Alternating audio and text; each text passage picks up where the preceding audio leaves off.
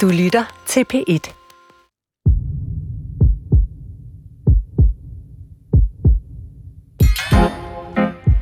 Bindevæv er på højeste mode lige nu.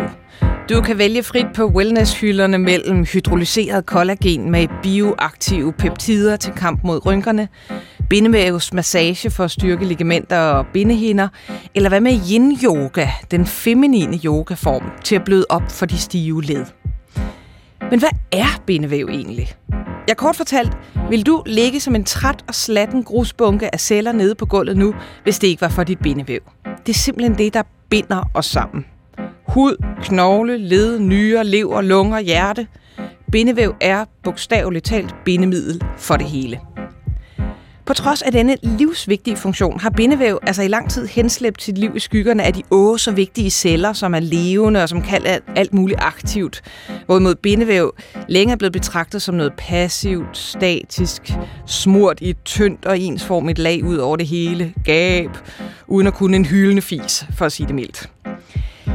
Det er vel nok en misforståelse af proportioner. Bindevæv er en fantastisk matrix af 28 forskellige kollagener.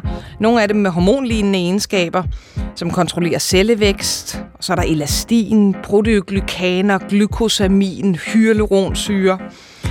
Og bindevævet har de seneste år fået rigtig meget tiltrængt opmærksomhed, fordi rigtig, rigtig mange sygdomme foregår i og med bindevævet.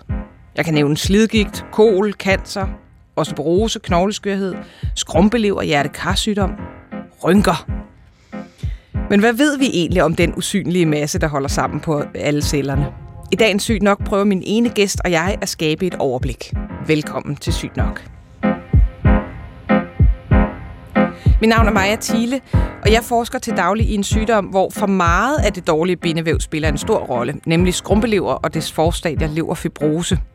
Det kan vi snakke meget mere om senere. Først øh, velkommen til min gæst, Michael Kær, professor på Bispebjerg Frederiksberg Hospital, med speciale i motionsbetydning for kroppen. Og øh, øh, Michael, hvis du nu skulle være rigtig god ved dit bindevæv sådan her øh, i weekenden, hvad vil du så lave, og hvad vil du spise? Jeg ville prøve at spise øh, blandet normal kost, som havde øh, den proteinmængde, som man anbefaler, for så får man også de aminosyre, som kan blive bygget ind i, i bindevævet, så vil jeg sørge for at bevæge mig øh, nogenlunde naturligt, øh, gå en tur, cykle. Øh, bindevævet er ikke så krævende med hensyn til, hvad man egentlig skal udsætte det for. Øh, det er i modsætning til, hvis man laver styrketræning, hvor man skal give den, kan man sige, en over nakken for at få store muskler, så er bindevævet sådan set tilfreds også med mindre belastninger, men det er gavnligt for bindevævet at belaste det lidt, hvad enten man spænder det ud, eller man øh, belaster det ved at gå eller cykle cykle eller løbe. Og, og øh, det der, jeg sagde indledningsvis, altså bindevæv har været sådan lidt levet skyggerne af de der, netop de der tjekkede celler, for eksempel muskelcellerne. Hvis vi bliver sådan i, i den gade, øh, træningsgaden, som, som er dit speciale, overskygger øh, fokus på muskelcellerne og muskeltræning bindevævets funktion? Der er nok sket en stor udvikling i de senere år. Altså for, for 30 år siden, når man gik til konferencer, der handlede om træning, så var det kun om muskler og kredsløb. Og så var der en lille session, hvor der var nogen, der snakkede om knogle. Øh, I dag er det jo blevet meget mere, kan man sige, både hot og også mere interessant, fordi man er blevet bedre til at kunne måle, hvad der egentlig sker i bindevævet. Og du har fuldstændig ret. Det er jo startet med, at øh, man har betragtet det som sådan en, en, en død snor, som enten holdt, eller også så gik den over, øh, eller også var der for meget af det, eller også var der for lidt af det, og så skulle det ellers bare sørge for at være en sådan ydmyg tjener for, for musklens øh, aktivitet. Og der er man jo nok, øh, og det gælder jo ikke kun inden for træning, men også inden for kræftforskning og andre steder, fundet ud af, at det her samspil, der er mellem celler og bindevæv, at det er meget mere dynamisk, end man skulle tro. Selvfølgelig dirigerer cellerne, hvad der sker i bindevævet, men bindevævets optræden og udstrækning eller øh, fylde op øh, betyder også noget for, hvordan cellerne øh, arbejder. Så, så jeg vil ikke sige, det er et enten eller, jeg vil sige, der er måske kommet lidt mere ligevægt på gyngen, sådan så man, man forstår værdsætte, at, at hver har sin funktion. Og hvad med, altså når det ikke lige er konferencer, men ude på, i træningscentrene for eksempel, er der også der mere fokus på, at vi skal også lige sørge for at huske bindevævet i vores træning? Det er der i høj grad, fordi at man kan sige, at øh, langt de fleste, for ikke at sige alle overbelastningsskader, de kommer jo ikke i muskler, altså de kommer jo i bindevævet. Det er en seneoverbelastningsskade, det er de akutte skader, der er det overrivning af ledbånd, det er jo alt sammen bindevæv, og ikke mindst i, i ledene, hvor brusken kan blive øh, ikke kun slidt ned, men også hvis man har fået en idrætsskade, så bliver brusken dårligere. Øh, det er alt sammen bindevæv, det går ud over. Så, så dem, der træner meget og gerne vil nå noget, de er meget opmærksomme på, at hvis de træner for meget og får en overbelastningsskade, så er det bindevævet, det kommer i. Så, så, så egentlig fokus på, hvad kan man sige, på det syge bindevæv på, når bindevævet ikke fungerer, har gjort, at der så er kommet et fokus på, hvordan holder vi så bindevævet rask? Ja, det kan man godt sige. Og, og man kan sige, at bindevævet øh, er jo noget langsommere. Nu har jeg jo prøvet at sige, at det ikke er sådan dødt væv, men der sker jo noget i det. Det er jo noget langsommere om at tilpasse sig end for eksempel muskel og, og hjerte. Men, men det kan man sige, det gør jo ikke noget. Men det betyder jo bare, at, at bindevævs træning eller påvirkning af det, det er, meget, det er bare mere det lange seje træk, end det er sådan et quick fix med en enkelt træning, øh, måske hver anden uge. Øh, til gengæld får man også god bindevævstræning bare af, kan man sige, almindelig aktivitet, som folk normalt vil sige, jamen, det træner hverken hjerte eller muskler. Og så kan det være, at vi lige skal få fat, for nu har vi slynget lidt om os med forskellige begreber, bindevæv, knogler, ledbånd osv. Hvad, hvad er bindevæv egentlig? Altså, det ligger jo i ordet, som du startede med at sige, at, at det binder det sammen. Øh, det vigtigste bestanddel i bindevævet, som du også nævnte, øh, kollagen. Øh, kolla, det er, det er lim, betyder lim på græsk, og, og genese er altså, at danne lim. Så bindevævet er det, der binder ting sammen.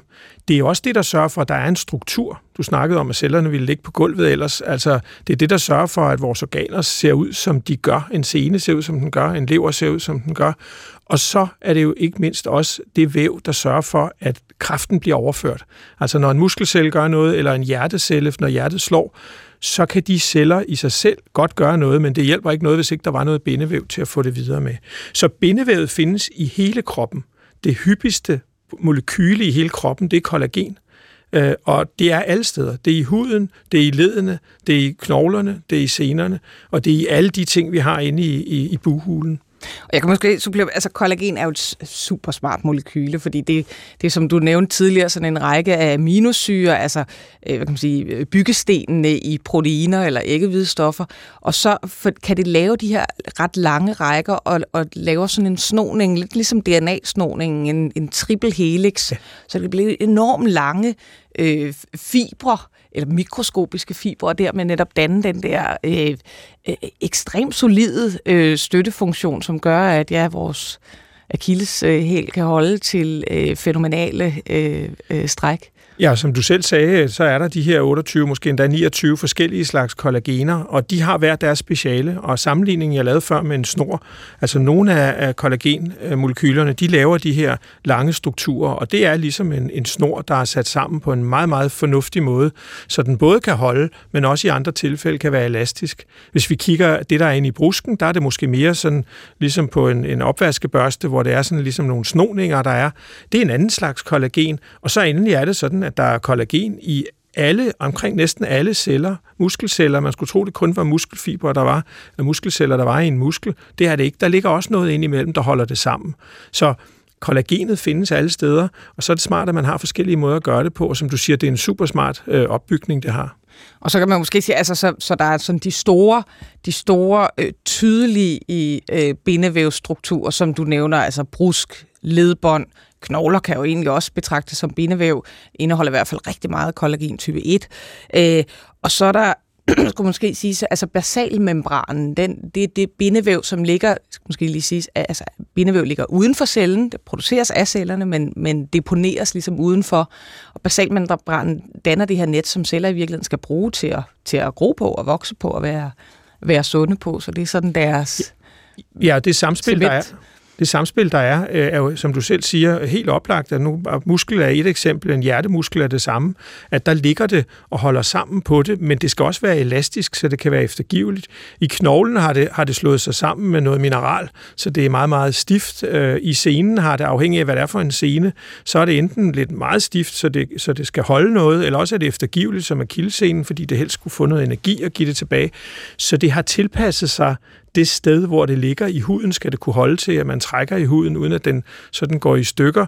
Øhm, og, og det synes jeg er meget fascinerende ved det, og meget bindevæv bliver udviklet, kan man sige, når vi vokser og gror, altså allerede, altså selvfølgelig inden vi bliver født, men efter vi bliver født, så bliver der lavet meget bindevæv, både for eksempel, nu har vi målt med på sener og, og brusk, men det findes også andre steder, mens man vokser, bliver der lavet en hel masse nyt bindevæv. Når man så er færdig med at vokse, så kan man meget firkantet sige, så har man lavet nogle strukturer. Hvis man forestiller sig en skov med nogle træer, så har man alle træerne, der står tæt sammen.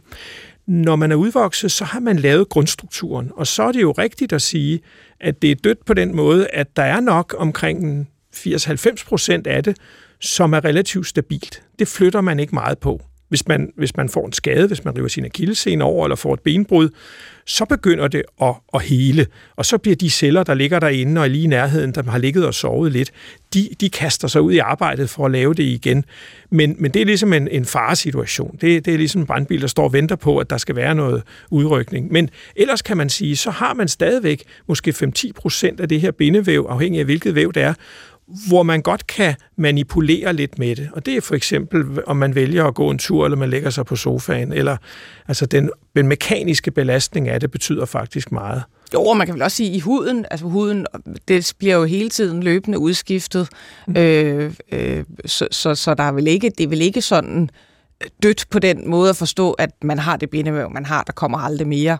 Altså i leveren for eksempel foregår der hele tiden, også hos helt raske mennesker, uden noget som helst fibrose eller skrumpelever, foregår der hele tiden en vis nydannelse af, af kollagen og bindevæv, og så en vis fjernelse igen, så det holder sig i, i balance. Og det er helt rigtigt, og det jeg fokuserede på var så mere i bevægeapparatet, men du har fuldstændig ret, der er jo andre steder i kroppen, hvor bindevævet skal tilpasse sig øh, lynhurtigt, og, og når vi snakker bindevæv, så snakker vi jo om, kan man sige, den lim, der binder det sammen, matrixen, men der er også nogle celler, som er i det væv, som kun er optaget af, hvordan har bindevævet det. Så, så, så det kan jo heller ikke være til at forstå, hvordan det kunne ændre sig, hvis ikke der var nogen celler. Mm. Så bindevævet, det er både det her, kan man sige, døde mekaniske væv, men sørger også de celler, der er i det. Og det er det, vi kalder bindevæv. Det kan være, at du lige øh, kan forklare det, fordi altså, egentlig skulle man tro, når det bare er nogle døde fibre, at det passer sig selv. Hvordan kan, hvordan kan der være et samspil med, med de levende celler? Jamen det kan der, fordi at man kan sige, at det, der bliver lavet, Altså den, det, den, den træstamme, der bliver lavet, er i sig selv, det er jo altid en definition om, hvad der er levende og dødt. Det er jo ikke dødt på den måde, at det slet ikke lever. Det har en lille bitte blodforsyning. Det har en lille smule ernæring, der kommer, men, men dødt på den måde, at det, eller man kan hellere sige stabilt, øh, at der ikke sker en særlig stor omsætning i det. Øh, der er nogle steder, hvor der ikke er, hvor der er nogle celler, der holder øje med, at der sådan lige er til dagen og vejen, og der bliver vedligeholdt, så der ikke falder noget fra hinanden, men at der ikke umiddelbart er en meget, meget øh, hurtig udskiftning, hvor nogle væv i, i buhulen for eksempel, men også muskelvæv bliver skiftet hurtigt ud, øh, hvor proteinerne skifter hurtigt. Jo, ikke? Altså, så er det jo musklerne og, og, og de andre celler, levercellerne, øh, hudcellerne, der laver bindevævet, så det er jo dem, der sætter aminosyrene sammen, og, og så sender det uden for, uden for sig selv, så det kan, det kan lave den her struktur. Jo, og i diskussionen for eksempel i forbindelse med kræftsygdomme, der kan man sige, at hele diskussionen om, når en kræft spreder sig, hvad, at, hvordan kan den sprede sig, den er jo faktisk nødt til at fjerne noget bindevæv for at komme, komme hen et nyt sted. Og det har man jo prøvet at forske på i mange år, og man i stedet for at kigge på cellerne, skulle kigge på, om man kunne lave lidt større barriere og sige, nu får canceren ikke lov til at komme videre end hertil. Så, så der er mange momenter i, i det, og bindevævet opfører sig nok lige så forskelligt som mange andre ting i kroppen. Jo, og så er der også noget, der tyder på, at kræftcellerne så lige laver deres eget bindevæv, så de har deres eget struktur og vandrer ud efter sig. Så det, der er både godt og skidt bindevæv, om man så må sige. Øh. Jo, og du, vi har jo snakket om funktionen af det, men vi kan lige så godt tage noget af det op, som du også nævnte i indledningen, at, at, at problemet med bindevævet kan også være, at er der ikke nok af det, så går tingene i stykker, eller der kan være nogle, kan man sige, afledte virkninger af det. Er der for meget af det, kan det også være et problem, for så fylder det jo. Altså, det er ligesom med, med, med fedt eller andet, altså det faktum, at det er der, det tager jo plads op for noget andet, kunne man sige.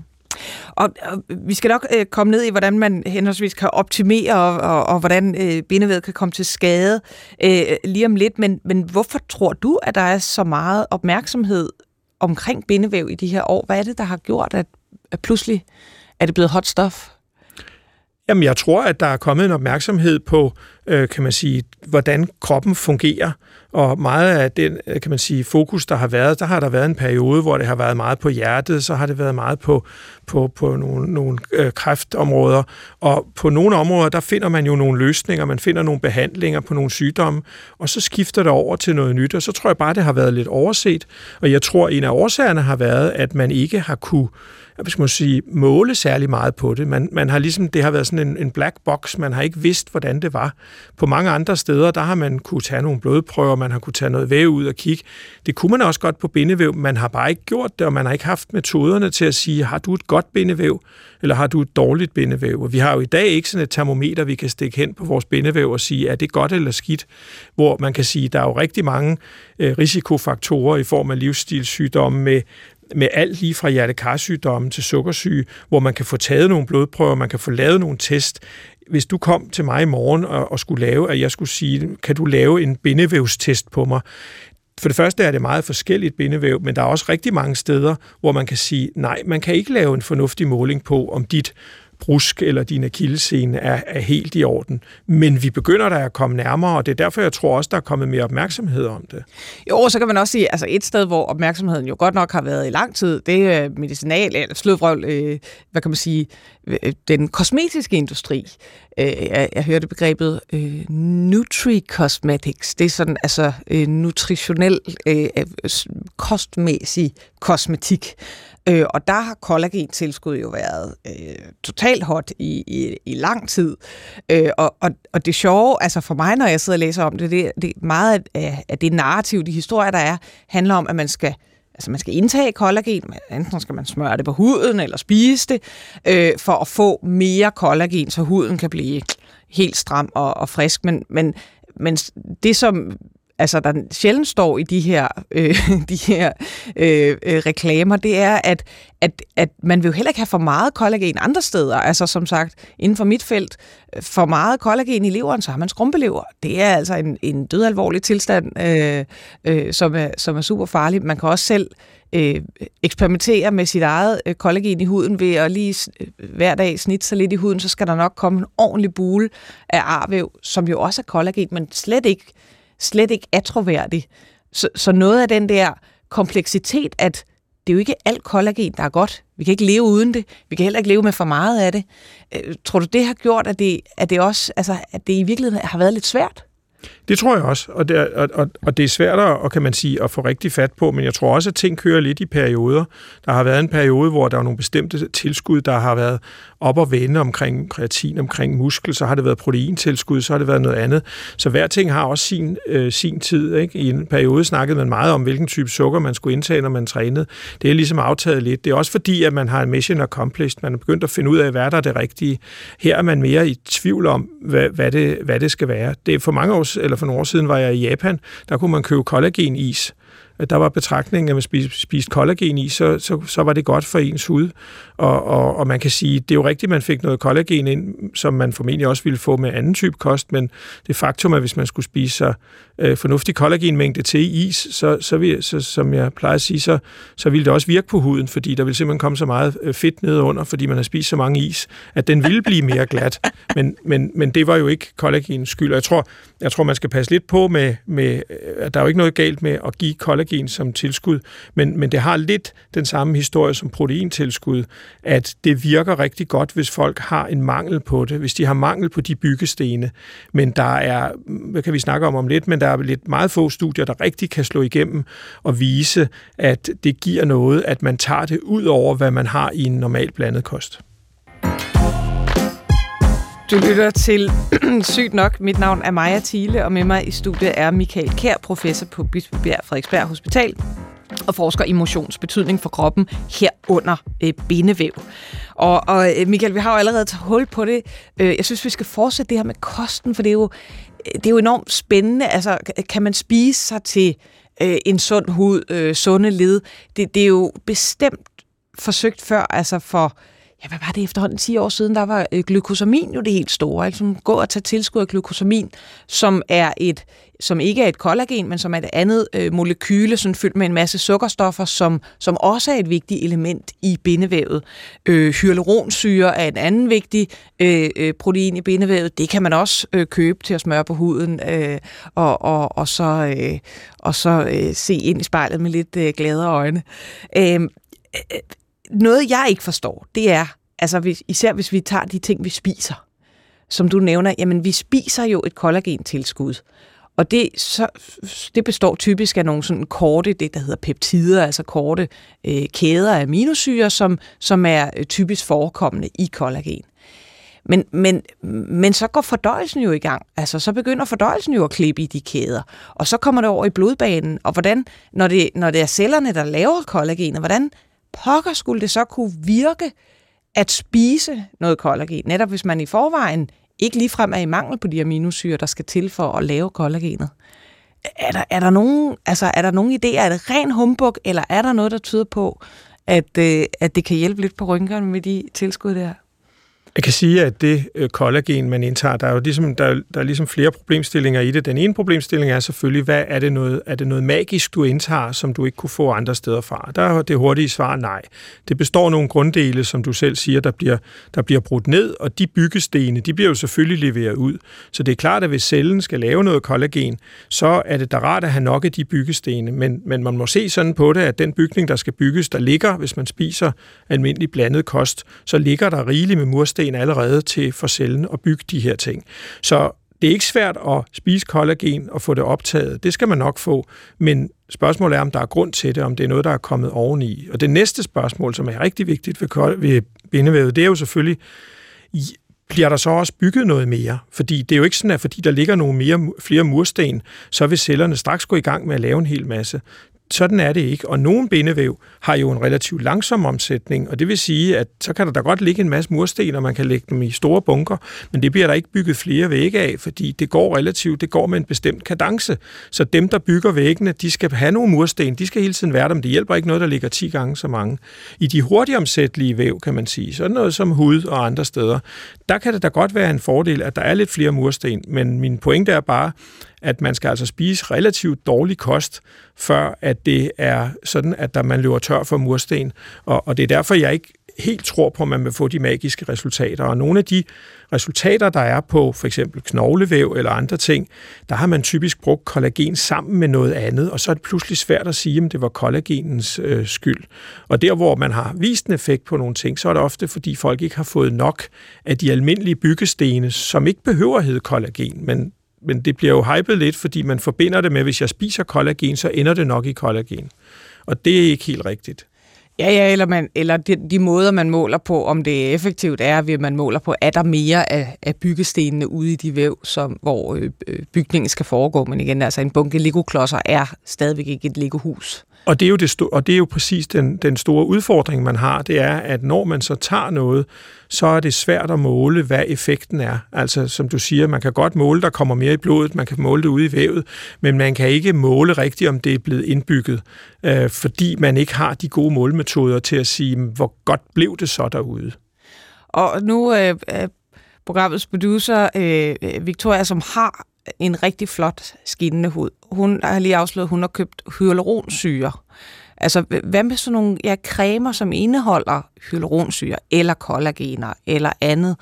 Er det ikke altså mere en mere direkte effekt? Jo, man kan sige, at for det første må jeg også sige, at når jeg er skeptisk over for det, så er det jo min holdning med hensyn til de resultater, der er der nu. Der, det er et område, hvor der langt fra er forsket færdigt. Der er rigtig mange muligheder der stadigvæk. Øh, det næste, du nævner, det med, om man kan forestille sig, at der bliver noget optaget, kan man sige, over huden, det er der nogle af stofferne, der bliver. Der er også nogle af de stoffer, du nævner, som, kan man sige, ikke kun kollagen, men ting, der er i familie øh, med det, øh, og hjælper med i bindevævet, de har jo også den effekt, at de hiver noget væske til sig, sådan så at det kan gøre, at selve huden ikke nødvendigvis ændrer karakter, men hvis der bliver bundet en anelse mere væske, så kan det være noget, som, som også gør, at den bliver pænere. Ja, det er lidt mere elastisk selv, og, og, og fugtig, ja. Men lad os prøve at, at rykke lidt fra huden over i, i, i træningen, fordi i, i uh, research til det her program, så stødte jeg på yin-yoga, som jeg er helt vild med. Altså, det er den feminine form for yoga, i modsætning til yang-yoga. Uh, og det skulle være særlig godt for bindevævet. Men jeg synes egentlig indledningsvis, du nævnte, det, der er ikke noget sådan som bindevævet ikke særlig godt kan lide, eller særlig godt kan lide. At, øh, kan du prøve at uddybe det? Ja, altså jeg tror, man kan sige, at, at, at i og med, at man sådan over årene har fundet ud af, at bindevævet, i hvert fald hvis vi snakker øh, sener og ledbånd og, og, og brusk, altså at det er mere øh, levende, end man skulle tro, så har man jo også fundet ud af, at mekanisk belastning, det at det bliver udsat for noget træk og tryk, og i det hele taget bliver, bliver puffet lidt til, at det har en gunstig effekt. Det får faktisk, kan man sige, den del af det, der bliver omsat, det får den del til at gå lidt hurtigere. Og man ved også, at hvis man lægger sig i sengen i 14 dage, så er det eneste, der sker i nogle af de her væv, det er, at den her lille omsætning, der hele tiden er, den går stort set i stå. Så øh, med hensyn til at, at gøre vævet så godt som muligt, så ser det ud som om mekanisk belastning er godt. Og jeg sagde også indledningsvis, at man ikke nødvendigvis behøver at være helt op på de store navler og, og lave meget hård styrketræning for at få det. Og det er jo der, hvor, øh, kan man sige, yoga og andre ting kommer ind. Det har jo været omdiskuteret om massage eller udspænding, eller det hjælper er det, på det. Ja. Og det er der ingen tvivl om, at det sætter nogle ting i gang. Spørgsmålet er, øh, om de ting, der bliver sat i gang, om de så er gunstige. De gør sikkert, at vævet bliver en lille smule mere eftergiveligt, en lille smule mere elastisk, og afhængig af hvilken om så må sige, hvilken øh, næsten får lyst til at sige terapitilgang man har, for der findes jo mange forskellige øh, former for terapier med massage og aktive øvelser. Ikke at, at yoga skal slås med ind i det, men det er jo bare for at sige, at, at, at afhængig af hvilken terapi du hører om, så vil de advokere for, at den bevægelse, de laver der, er god for bindevævet. Og de har formentlig, de fleste af dem har formentlig ret og det er ikke rigtig afklaret, om noget er bedre end noget andet. Der er selvfølgelig mange mennesker, der tænker, at de vil bevæge sig så lidt som muligt. De kunne jo godt tænke sig, at massage var det, der virkede, eller, eller at, at aktivere bindevævet. Men, men mekanisk belastning ser ud til at være godt for bindevævet, specielt på lang sigt. Så i, altså i virkeligheden, hvis jeg tog sådan 50 minutters øh, yin-yoga, hvor man ligger 5 minutter i en stilling, og så skifter man 5 minutter i næste stilling, så, så vil mit bindevæv egentlig bedre kunne lide en cykeltur, hvor jeg ligesom hele tiden pumper lidt øh, og, og, og strækker og trykker mit bindevæv? Man kan sige, at der, er, der, ser, der ser ud som om, at vi har prøvet at sammenligne kan man sige, hårde belastninger, lette belastninger, noget, hvor man holder det i længere tid, nogle statiske belastninger. Det ser ud som om næsten, jeg vil ikke sige næsten ligegyldigt, hvad du gør, så har det en, en forøgende effekt på bindevævet i form af, at der bliver lavet noget nyt, der bliver skiftet noget mere ud. Mm. Og det, det ser ud til at være noget, vi ser ud som om, vi har.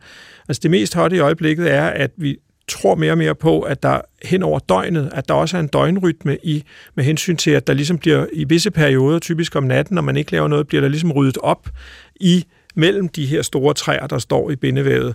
Og så næste dag, så kommer der sådan en lille smule slid på det.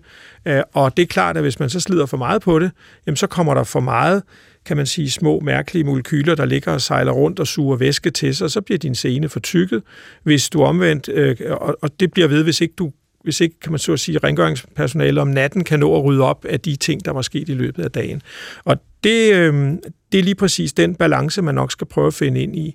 Øh, og der kan være mange veje frem til at, at, at gøre en fornuftig form for belastning, som hverken overbelaster det, men også sætter øh, gang i bindevævet.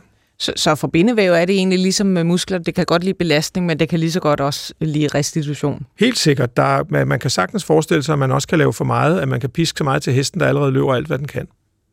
Og, og, og hvordan så med, med alderen? Fordi der bliver man jo altså bare lidt stivere. Er det, er det bindevævet, der gør det? Er det hele bare knager lidt mere, og man pludselig ikke længere kan nå øh, jorden med, ja, der sker, med fingrene fra, fra oprejst stilling.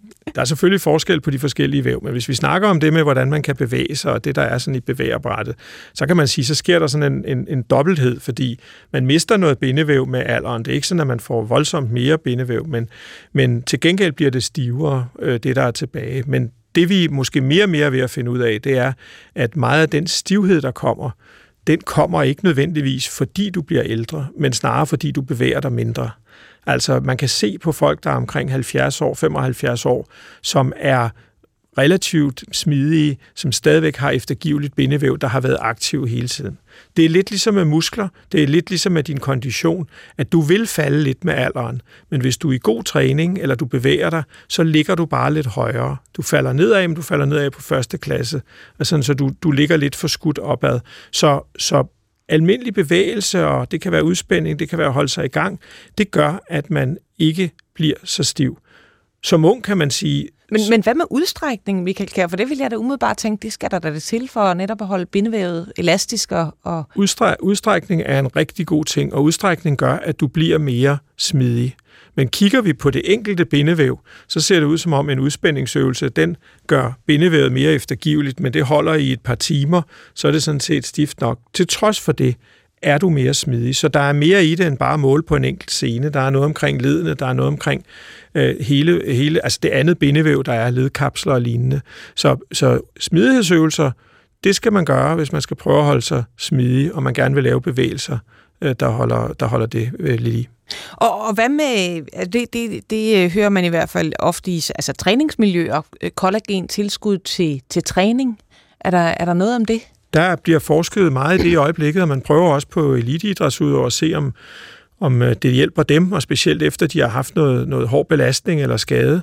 Og øh, der vil jeg sige, at det er ikke helt afklaret endnu, men det ser ud som om forløbig, at det er det er små resultater, øh, der er. Det er meget små effekter, der er. Og vi er lidt inde i den samme historie som proteintilskud. At får man rigtig meget protein, den protein, man skal have, så har man måske brug for en lille smule mere, når man træner rigtig hårdt. Men det bliver langt overvejet af, at folk tror, at de skal tage rigtig meget. Og øh, lige nu er det ikke sådan, så vi kan sige, at det er noget, man bør anbefale øh, at tage. Men kosten skal selvfølgelig indeholde de ting, der skal være, og der har jo været meget snak om, hvor man får øh, kan man sige, kollagen fra. Kollagen er jo, kan man sige, madmæssigt ikke så interessant. Altså hvis du koger en akillescene i rigtig lang tid, kan den selvfølgelig godt spises, men det er ikke noget, der, der giver smag. Men, men jeg har prøvet at få pasta for nylig, som, som var lavet på, på fiskeben, der så var kogt fuldstændig ud.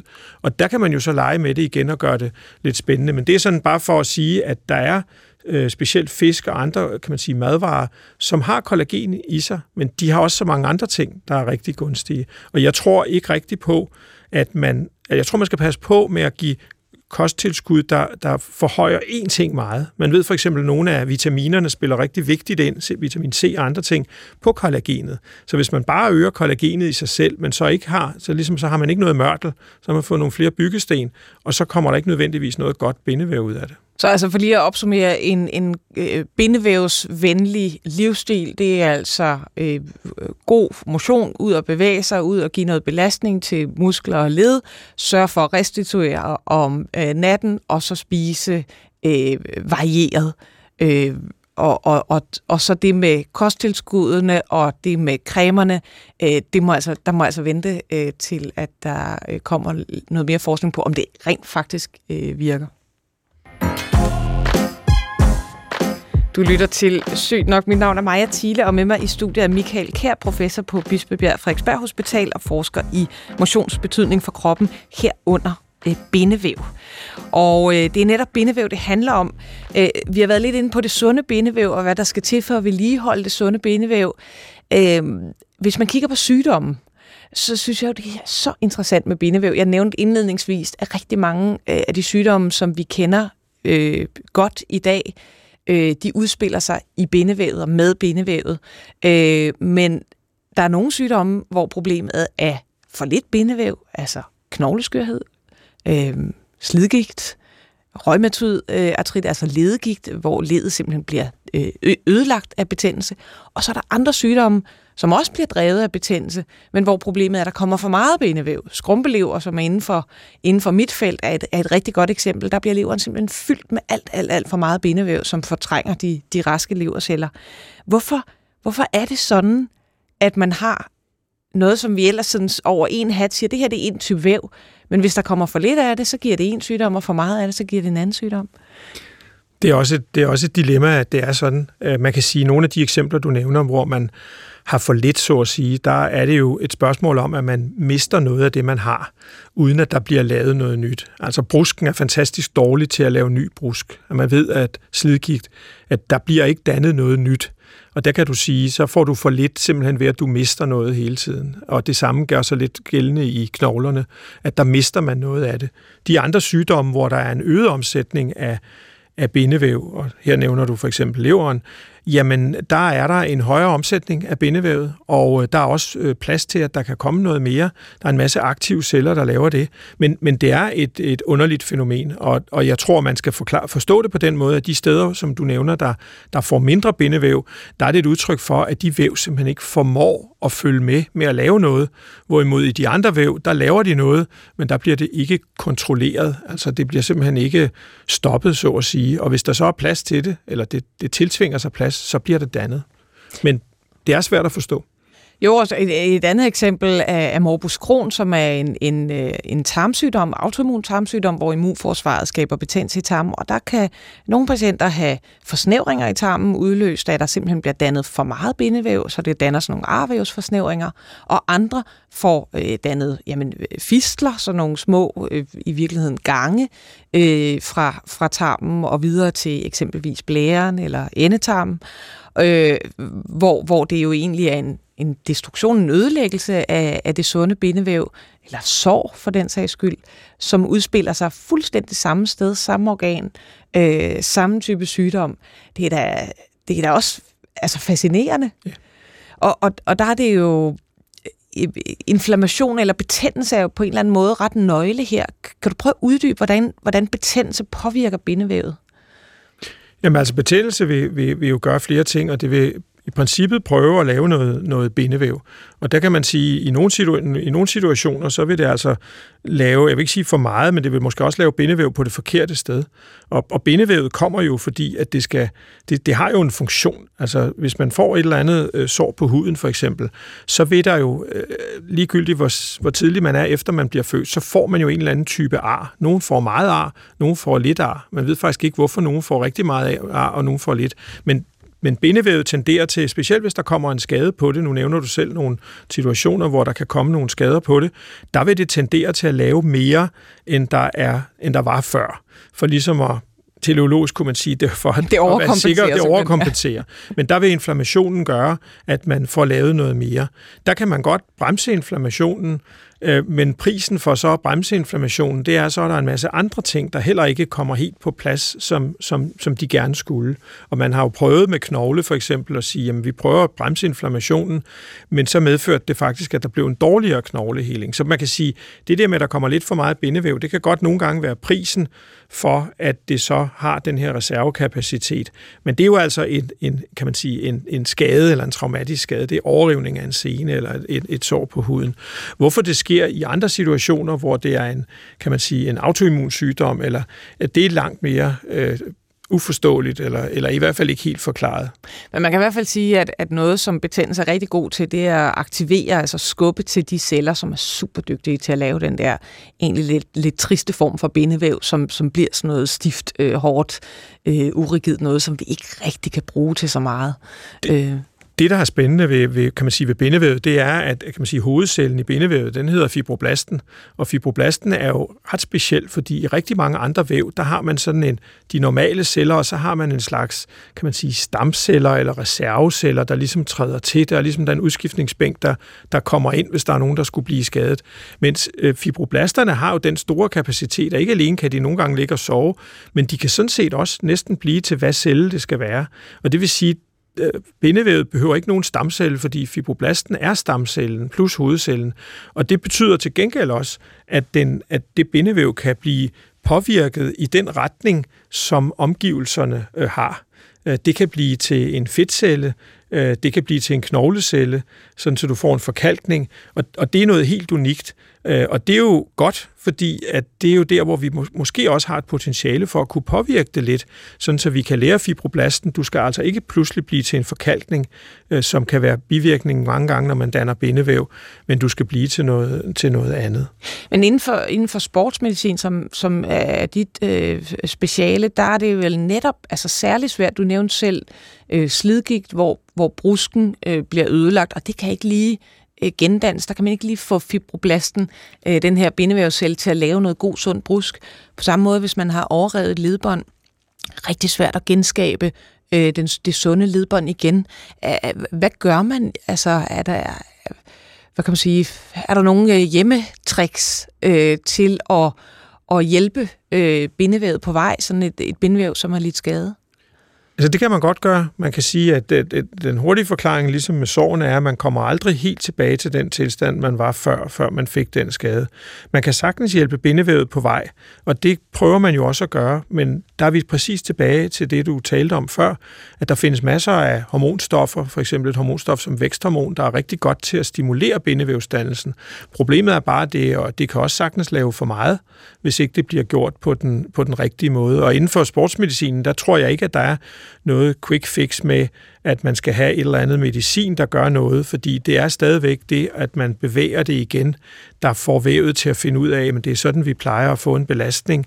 Øh, så kan man give det lidt hjælp med at give nogle stoffer. Og hvis man tænker på sådan noget som, som brusk, som du nævner, brusk er et meget, meget specielt øh, kan man sige, bindevæv, simpelthen fordi det er, har ikke nogen ordentlig blodforsyning. Så øh, uanset om de celler, der ligger dernede, vil begynde at gøre noget, så har de et meget, meget lille område at gøre godt på. De kan ikke flytte sig rundt, de kan ikke transportere noget med blodstrømmen, så meget firkantet sagt, hvis man får skader på brusken, så er de der. Så bliver de ved med at være der. De bliver ikke repareret, de bliver ikke gjort gode. Og de forsøg, der har været lavet indtil nu med at give celler ind eller transplantere noget over, har jo heller ikke været, kan man sige, fantastiske. De har været gode til at kunne dække et område af græsplænen sådan med et eller andet, der ligner græs, men det kan ikke holde til det samme, og det er ikke noget, der kan få idrætsfolk rigtig tilbage til, til aktiviteter. Kan man sige lige præcis med brusk, der er det, at man har så mange udskiftninger af led, både knæ og hofte, som er jo en fantastisk succeshistorie, men det er jo også en erkendelse af, at det ender på et eller andet tidspunkt med, at så skal der skiftes noget nyt ind. Så, så som bindevævsekspert, altså er der noget bindevæv, øh, du ligesom siger, at det er bare mere spændende end andet? Altså eksempelvis bruskbindevæv, fordi det er så enestående, og man har kun det, man har. Man kan sige, at man kan sige, at når jeg nu har været sådan lidt negativ med at sige, at noget af det forsvinder, så er det jo fair at sige, at det bindevæv, man så har, kvaliteten af det, der er tilbage, de etager, der er tilbage på bygningen i busken, de kan gøres bedre. Ligesom hvis man har et indlæg i sin, i sin sko. Den affjedring af den, den sål kan godt blive bedre, men man får ikke bygget noget nyt på. Jeg synes, brusk er meget fascinerende, fordi det er så svært at få fat på. Man kan jo ikke gå ind og tage småprøver af det. I og med, at der ikke er nogen blodforsyning, så kan man heller ikke stå i, i blodet og, og kigge på, om der kommer noget ud fra brusken. Det er fantastisk svært at få hold på. Og det tror jeg også er forklaringen bagved, at man ikke rigtig har fået noget gennembrud der. Man begynder med nogle nye kan man sige, øh, billedformer, altså magnetisk resonans, og man kan lave nogle gode billeder, men man, i forhold til mange andre væv kan man ikke sprøjte nogle stoffer ind, som så sætter sig i brusken, fordi den omsættes så langsomt. Og det vil sige, når vi normalt gør noget, hvor vi måler, hvordan leveren virker, eller hvordan andre organer virker, jamen så kan vi sprøjte noget ind, og så kan vi måske se det med et eller andet meget fancy apparat, men det kan man ikke rigtig her. Så der, der, der er altså lang vej igen. Men jeg synes, det er fascinerende, og jeg er jo, som du ved, meget fascineret også af, af senevævet, fordi det også er noget, der, går, der har en langsom omsætning, og som jo mildt sagt er noget, der generer, øh, kan man sige, hver tredje person over 70 år har problemer med, med, med skulderen, hvor der er en scene, der ikke har det så godt, men der er sørme også mange, der har problemer med akillescenen eller, eller knæscenen, hvis de er ude og lave noget idræt. Så, så de er ligesom, altså scenerne og brusken, det er simpelthen de store øh, sorte bokse inden for, øh, for bindevæv.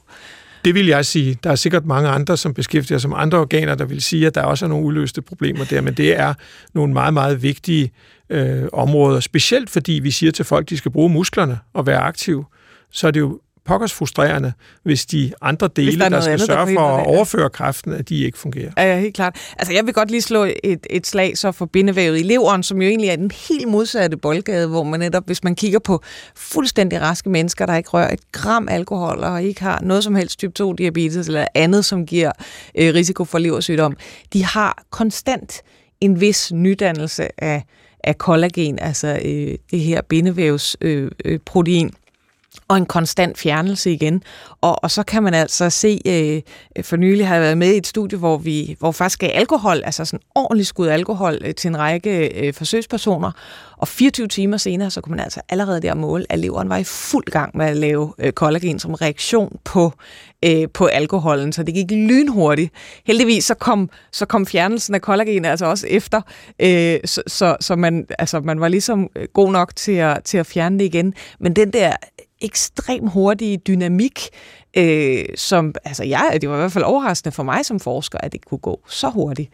Øh, det, det synes jeg var dybt fascinerende. Men det er også derfor, at, at de, hvad kan man sige, forsøg på at give medicin mod bindevæv, øh, har det rigtig svært, fordi hvis man, som du nævner, hvis man bare fjerner bindevævet, jamen så fjerner man jo folks livsgrundlag. Det, det, man kan ikke leve uden bindevæv, så man risikerer at stoppe alt det gode bindevæv øh, i kampen mod det, det dårligt fungerende.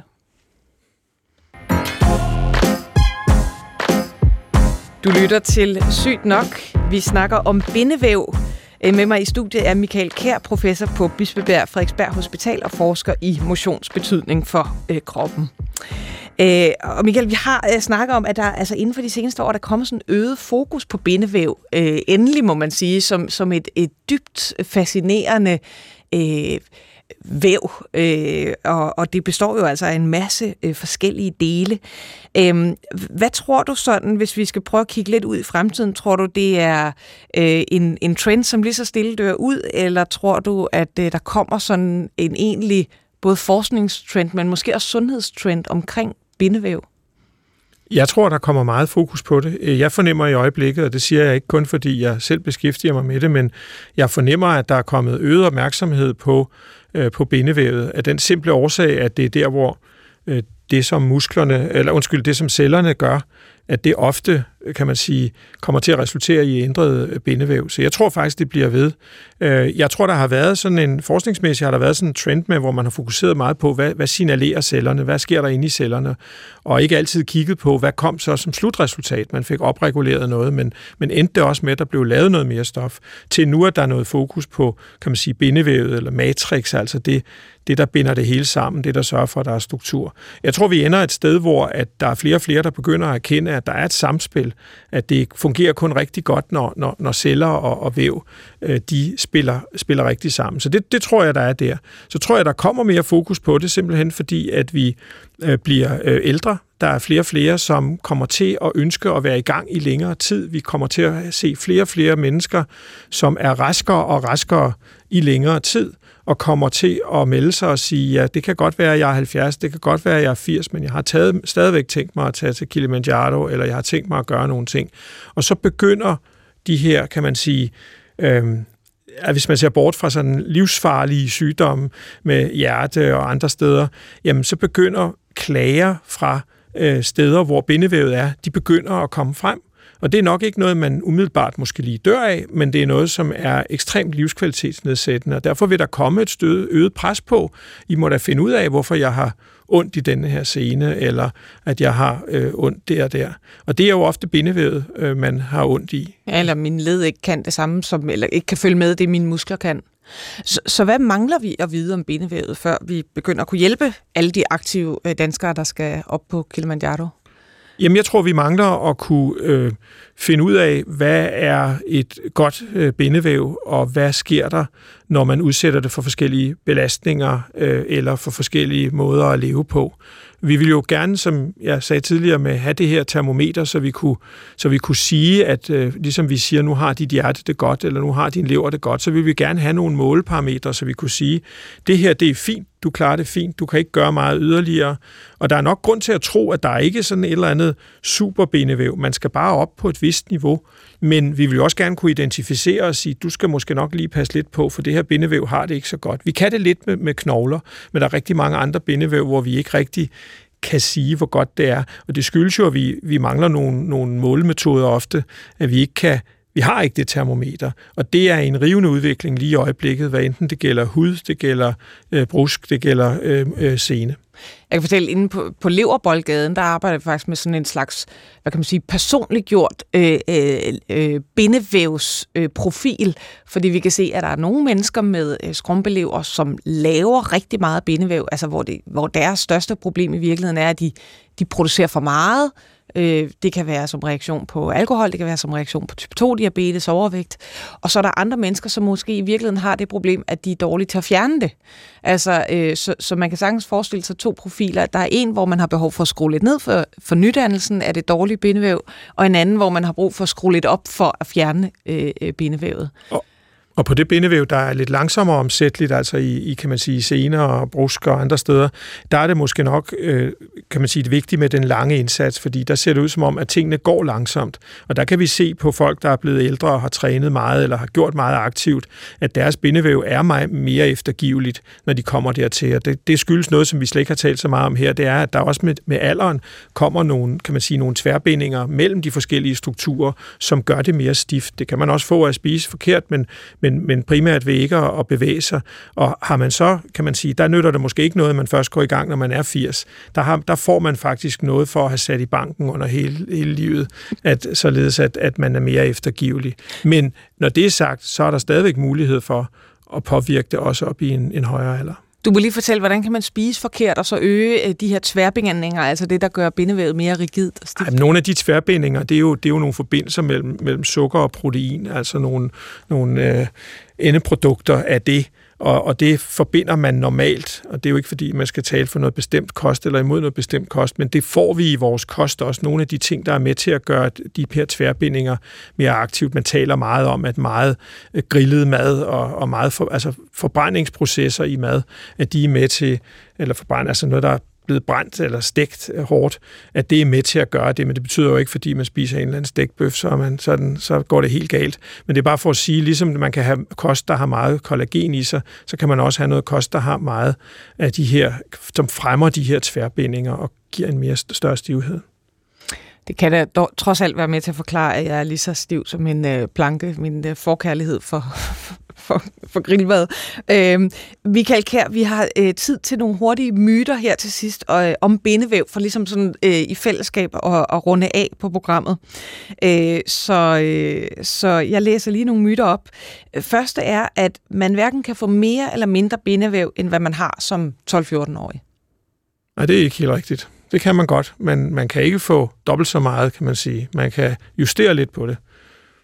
Ja, og så øh, kan man måske nævne, at der er visse sygdomme, som medfører meget mere bindevæv. Øh, det er ligesom i en, i en boldgade for sig, og så som du nævnte indledningsvis, er ligesom grundstrukturerne er fastlagt, og så kan det godt være, at der sker en vis øh, omsætning af bindevævet, men der er ligesom nogle, øh, Øh, der er lavet nogle strukturer, som ikke bare lige forsvinder. Og der er ingen tvivl om, at genetikken spiller også ind, og det har vi jo slet ikke snakket om her. Det er ikke alle, der bliver balletdansere, det er ikke alle, øh, kan man sige, der, der, der har meget bindevæv eller lidt bindevæv, og det ved vi jo ikke helt, hvad vi skal sige til på forhånd. Men, men det er mere dynamisk, end man skulle tro. Så man, man laver grundstenen i det hele, mens man vokser, og det er måske også derfor, det kan være så vigtigt at påf- øh, påvirke eller at nævne, at man skal træne, når man måske er yngre, eller man laver noget fysisk aktivitet, for det betyder noget for grundstrukturen.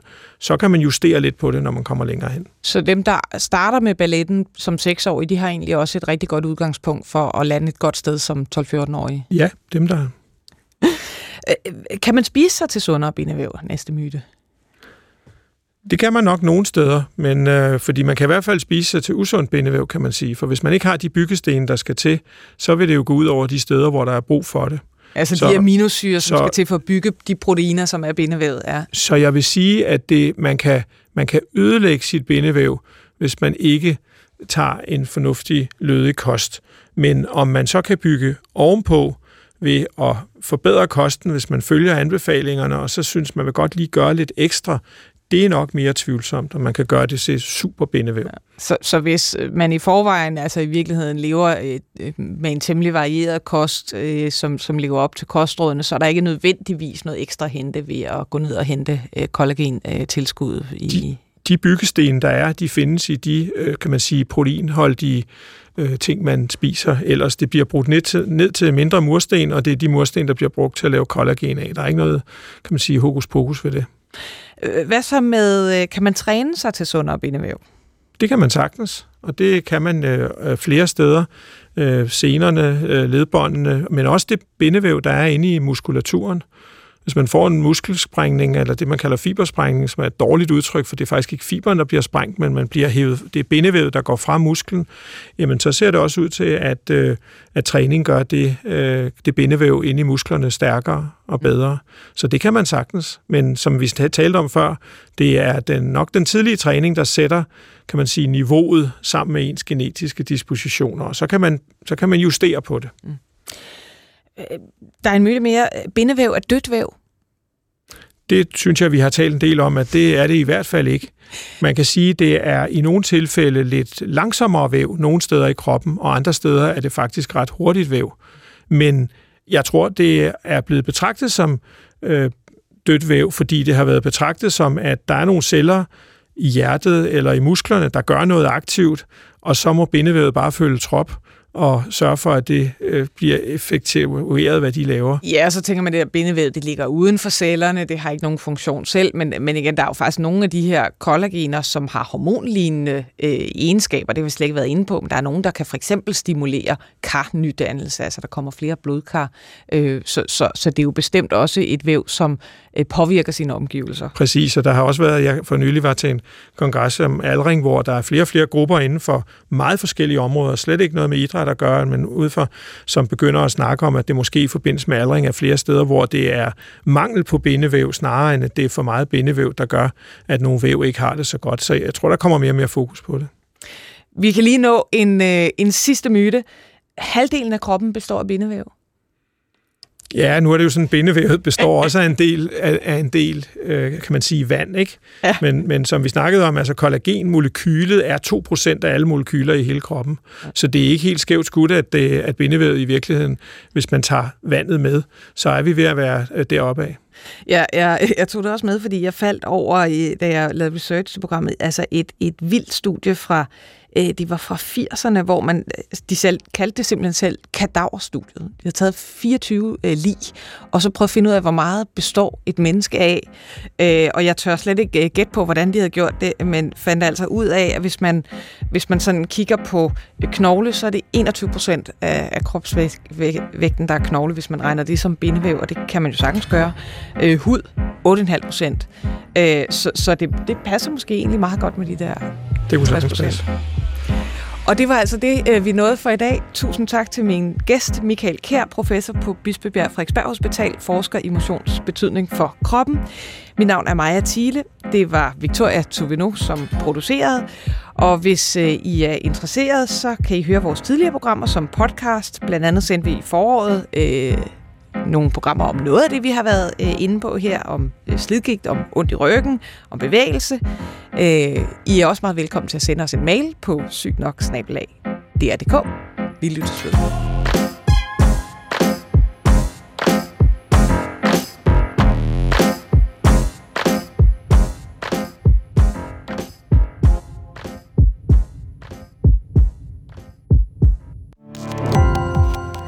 Gå på opdagelse i alle DR's podcast og radioprogrammer. I appen DR Lyd.